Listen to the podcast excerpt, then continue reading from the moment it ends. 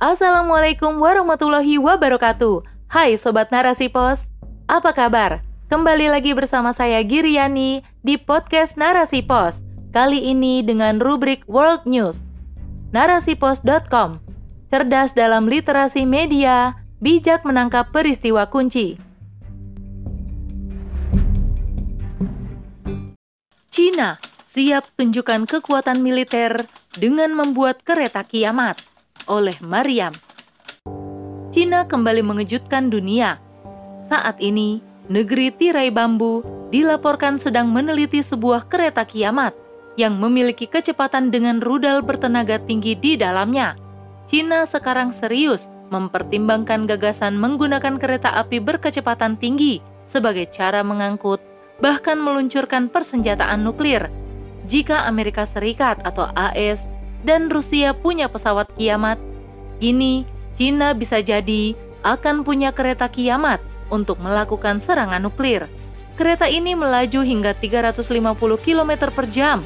Bentuk kereta ini ramping dengan gerbong masing-masing dengan berat sekitar 60 ton. Dijuluki dengan kereta kiamat karena kapal induk ini akan bekerja dengan memanfaatkan jaringan kereta api berkecepatan tinggi yang luas di negara itu untuk membawa rudal balistik antar benua atau ICBM dan dianggap bahkan kuat dan cukup kokoh untuk menahan guncangan dan kekuatan ketika meluncurkan salah satu rudal tersebut. Konsep dan rencana pengembangan kereta ini didanai oleh pemerintah Cina dan dipimpin oleh Profesor Yin Zihong dari Southwest Chiao-Tong University di Chengdu. Demikian yang dikutip oleh Mashable Asia Sabtu 2 April 2022. Penggunaan gerbong kereta api ini untuk mengangkut dan menyebarkan nuklir sama sekali bukan konsep yang baru, mengingat bagaimana Amerika Serikat dan Rusia pun telah menyusun rencana untuk mengimplementasikannya selama Perang Dingin, namun gagal dikembangkan karena di luar tahap konsep. Hingga beberapa tahun terakhir, gagasan ini pun diambil lagi oleh negara-negara seperti China, Korea Utara, yang keduanya telah melakukan uji coba peluncuran rudal dari kereta api masing-masing pada tahun 2015 dan 2021. Memang persaingan antar Amerika Serikat dan China sering terjadi adu kekuatan besar ekonomi. Genderang rivalitas ini menurut banyak pengamat merupakan gejala fenomena yang besar, yaitu usaha untuk menjadi negara adik kuasa.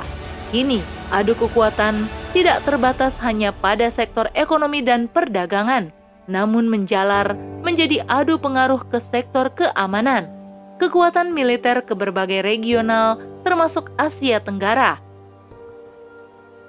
Kemajuan Cina dalam teknologi rudal, senjata nuklir, dan kecerdasan buatan telah memicu kekhawatiran serius di antara banyak pengamat Barat yang berpandangan perubahan besar dalam keseimbangan kekuatan militer global.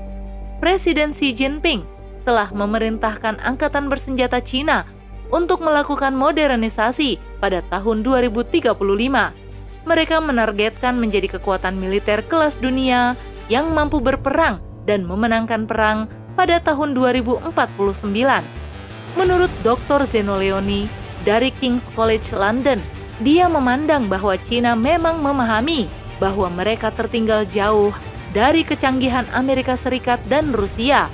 Jadi, mereka mencoba membuat terobosan besar untuk melompati kekuatan lain. Dalam sistem kapitalisme ini, memang semua selalu berlandaskan kepada materi duniawi, menghalalkan segala cara untuk menjadi petarung unggulan, menjadi negara adik kuasa yang maju dan kompeten, dan menunjukkan kekuatan militer serta kecanggihan alutsistanya guna memengaruhi negara-negara di dunia. Jadi, ketika melihat perang dingin antara Amerika Serikat dan Cina, tak ayal mereka hanya ingin menduduki kekuasaan menjadi negara yang paling berkuasa di dunia. Berbeda dalam Islam yang pernah menjadi negara adik kuasa selama kurang lebih 14 abad lamanya. Dalam Islam, kekuatan militer dan kecanggihan alutsista berfokus untuk kepentingan dakwah dan jihad. Pada masa awal pemerintahan Islam, jihad sebagai metode mendasar dalam penyebaran dakwah telah menjadi bagian penting dari upaya membangun kekuatan daulah. Jihad adalah perang di jalan Allah, untuk meninggikan kalimat Allah. Oleh sebab itu, diperlukan persiapan, baik logistik, formasi perang, strategi yang jitu, komandan, dan para pasukan yang berani, serta persenjataan yang mutakhir. Persenjataan itulah mengharuskan adanya dunia perindustrian, seperti firman Allah dalam surat Al-Anfal ayat 60, yang artinya, siapkanlah untuk menghadapi mereka kekuatan apa saja yang kalian sanggupi, dan dari kuda-kuda yang ditambatkan untuk berperang, yang dengan persiapan itu kalian menggentarkan musuh Allah, musuh kalian, dan orang-orang selain mereka yang tidak kalian ketahui, sedangkan Allah mengetahuinya.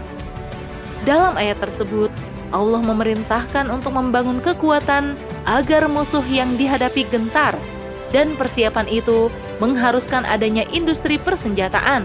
Ayat ini mengandung ilat syar'i bagi kaum muslim untuk selalu mempersiapkan kekuatan dan melontarkan rasa takut kepada musuh.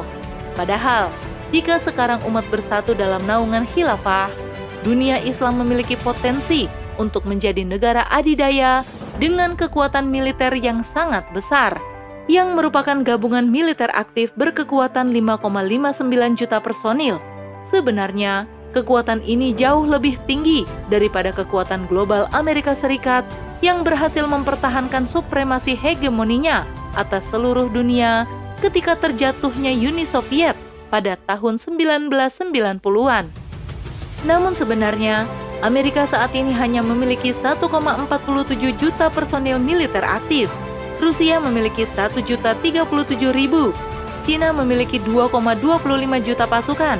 Sementara dua anggota permanen Dewan Keamanan PBB lainnya, seperti Perancis dan Inggris, yang berturut-turut hanya memiliki 0,26 dan 0,24 juta personil militer aktif. Jika kemungkinan perang terjadi antar negara khilafah Islam dan kekuatan militer barat, pasukan paramiliter akan memainkan peran penting. Sungguh menakjubkan untuk dicatat bahwa seluruh dunia memiliki pasukan paramiliter sebesar 20,526 juta personil dan 11,32 juta di antaranya adalah milik dunia Islam. Salah satu negara muslim yang memiliki lebih dari 11 kali lebih besar pasukan paramiliter dari gabungan lima anggota permanen Dewan Keamanan PBB adalah Iran. Selain itu, Iran pun memiliki lima kali lebih banyak pasukan paramiliter tentara dari jumlah gabungan negara-negara BRIC atau Brazil, Rusia, India, dan China. Kekuatan militer gabungan dari dunia Islam adalah 22,42 juta personil, sedangkan lima anggota tetap Dewan Keamanan PBB secara bersama-sama memiliki 15,95 juta personil, dan BRIC secara bersama-sama mempunyai 17,53 juta personil. Inilah yang ditakuti oleh Barat jika kekuatan umat Nabi Muhammad SAW bersatu, karena dengan skala tersebut memperjelas bagi setiap pengamat internasional para pembuat kebijakan tentang alasan mengapa kekuatan Barat bekerja siang dan malam hanya untuk menjaga dunia Islam secara fisik tetap berpisah dan terkubu-kubu satu sama lain dengan dalil batas-batas palsu negara masing-masing seperti garis duran antara Pakistan dan Afghanistan atau seperti di Indonesia yang terpisah hanya karena berbeda mazhab dan organisasi masyarakat. Hal ini juga yang menjelaskan mengapa Barat selalu mengusung ide nasionalisme agar tetap hidup di kalangan kaum Muslim sebagai alat untuk menjaga dan memisahkan mereka, serta untuk mendatangkan malapetaka atas peperangan saudara yang terjadi antar umat Islam seperti Perang Irak-Iran, Perang Afghanistan-Pakistan, dan sebagainya, atau pemisahan yang tidak perlu seperti antara Syiah dan Sunni. Dari fakta dan angka di atas, jelas bahwa kekuatan militer dunia Islam tidak tertandingi dan tidak ada duanya.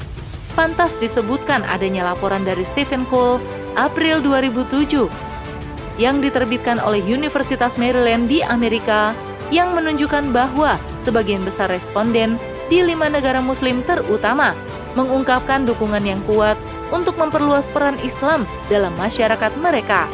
Mayoritas di sebagian besar negara itu, rata-rata 71 persen memilih setuju dan 39 persen sangat setuju. dalam penerapan hukum syariat yang ketat di setiap negara Islam. Bahkan, dapat ditegaskan bahwa secara mayoritas muslim, yaitu lebih dari 64% setuju dengan tujuan ambisius untuk menyatukan negara-negara muslim menjadi satu negara Islam dalam naungan khilafah. Laksana dua imperium besar saat itu, Romawi dan Persia, yang terus berperang untuk menjadi negara adik kuasa. Namun kelak keduanya ditaklukkan oleh Islam dalam kurun waktu yang singkat.